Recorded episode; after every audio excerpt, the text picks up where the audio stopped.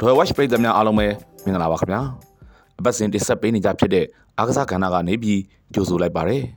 ဒီနေ့မှာတော့အားကစားလောကရဲ့နောက်ဆုံးအသတင်းတွေကစိတ်ဝင်စားစရာကောင်းတဲ့သတင်းတွေကိုဒေါ်ဝက်ပရိသတ်တွေအတွက်စူးစီးတင်ဆက်ပေးလိုက်ပါတယ်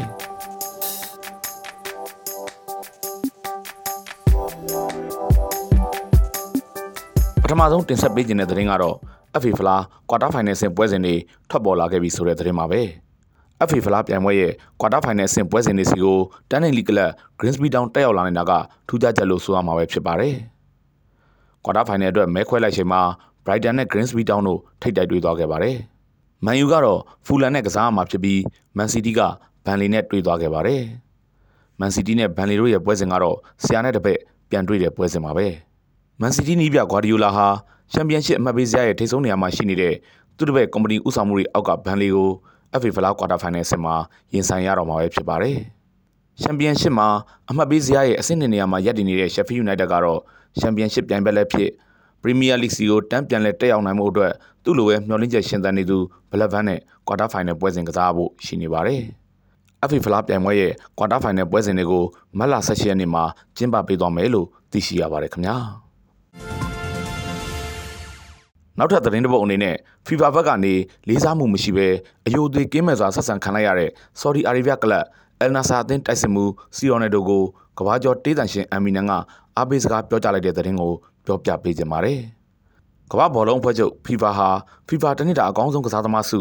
The Best စုပေးပွဲအခမ်းအနားမှာစီယွန်ဒိုရဲ့နာမည်ကိုမိတ်ဆက်ပေးချိန်မှာအရန်ခုံမှာထိုင်နေရတဲ့ပုံကိုဗီဒီယိုမှာဖော်ပြခဲ့လို့ဝေဖန်ခံလိုက်ရတာပါပဲ။ ဒါဟာ FIFA တနစ်တာအကောင်းဆုံးကစားသမားစု9ကြိမ်အထိရခဲ့မှုတဲ့ကမ္ဘာကျော်ကစားသမားတယောက်ရဲ့ဂုဏ်သိက္ခာကို FIFA ကလေးစားမှုမထားဘဲပြည့်ရည်ပြုတ်လိုက်တာမျိုးဖြစ်နေတယ်လို့ဝေဖန်မှုတွေမြင့်တက်နေပါတယ်။ကမ္ဘာကျော်တေးသန့်ရှင်အမီနန်ကလည်းဒီကိစ္စမှာစီယွန်ဒိုဘက်ကပဲရက်တီပေးခဲ့ပါတယ်။အမြဲတမ်းပဲကမ္ဘာမှာအကောင်းဆုံးလူဟာလူမုန်းအခံရဆုံးလူပါပဲ။အဲ့ဒါကအမြဲပဲဖြစ်နေတာနော်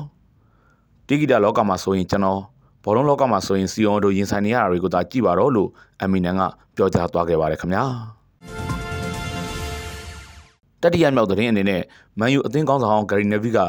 ကတ်စမဲရိုကိုခေါ်ယူရရှိမှုဟာမန်ယူအတွက်ပါနဲ့တဲ့ခေါ်ယူမှုမျိုးအထာကျတဲ့ခေါ်ယူမှုမျိုးမဟုတ်ဘူးလို့ထုတ်ဖော်ဝေဖန်လိုက်တဲ့အကြောင်းကိုပြောပြပေးချင်ပါတယ်မန်ယူအနေနဲ့ခေါ်ယူအားဖြည့်ရမှာကလူငယ်ကစားသမားတွေသာဖြစ်တယ်လို့လည်းဂရီနေဗီကမှတ်ချက်ပေးသွားခဲ့ပါတယ်။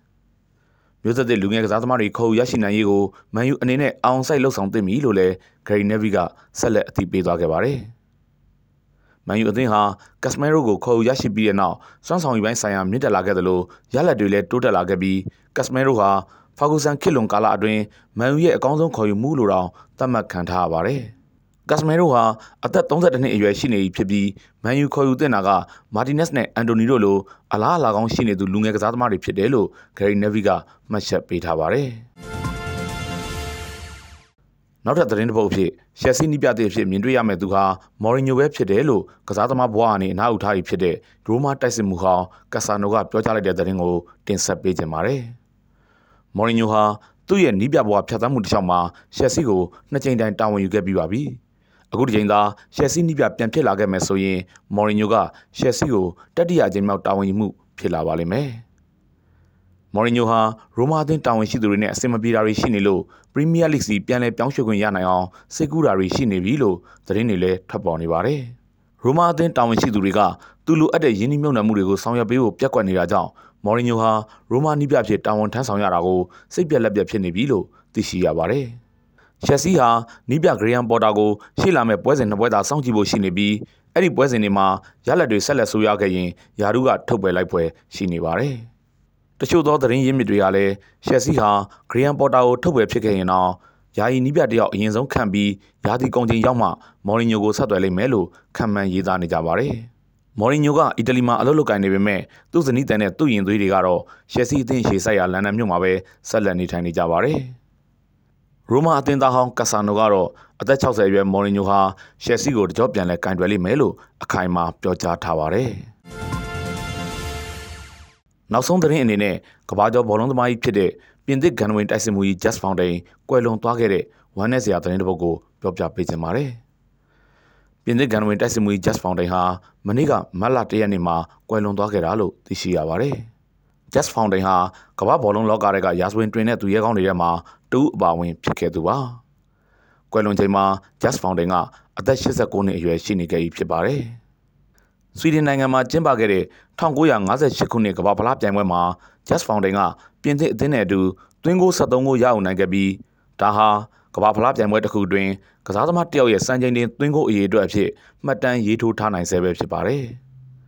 Just Fountain ဟာထိပ်တန်းအဆင့်ကစားသမားတူရဲ့စွမ်းဆောင်ရည်တွေကိုပိုင်ဆိုင်ထားခဲ့ပေမဲ့ဒဏ်ရာပြဿနာတွေကြောင့်ဘောလုံးလောကကနေပြီးစောစီးစီးအနားယူလိုက်ရပါတယ်။ကစားသမားဘဝဖြတ်သန်းမှုကို Just Fountain အဆုံးသတ်လိုက်ချိန်မှာအသက်28နှစ်အရွယ်သာရှိပါသေးတယ်။သူဟာဒဏ်ရာပြဿနာတွေနဲ့ရုန်းကန်နေရလို့ပြင်သစ်အသင်းအတွက်ပွဲစဉ်22ပွဲသာပါဝင်ကစားပေးနိုင်ခဲ့ပေမဲ့အဲ့22ပွဲမှာသွင်းဂိုး30အထိရအောင်ပေးခဲ့သူဖြစ်ပါတယ်။ Just Fountain ကွယ်လွန်သွားခြင်းအတွက်ဘောလုံးအသင်းတွေနဲ့ကမ္ဘာကျော်ဘောလုံးသမားအသီးသီးကဝမ်းနည်းကြောင်းတွေရေးသားလွှင့်တင်ဖော်ပြနေကြပြီလည်းဖြစ်ပါတယ်ခင်ဗျာအခုဆိုရင်တပတ်တာအားကစားလောကတွေကစိတ်ဝင်စားစရာသတင်းတွေကိုရွေးချယ်ကောက်နှုတ်ပြီး Dwell Watch ပရိသတ်တွေကိုတင်ဆက်ပေးခဲ့ပြီးဖြစ်ပါတယ် Dwell Watch ပရိသတ်တွေအတွက်ကောင်းမွန်တဲ့နေ့လေးတစ်နေ့ဖြစ်ပါစေကြောင်းလည်းဆုမွန်ကောင်းတောင်းပေးလိုက်ပါတယ်ခင်ဗျာ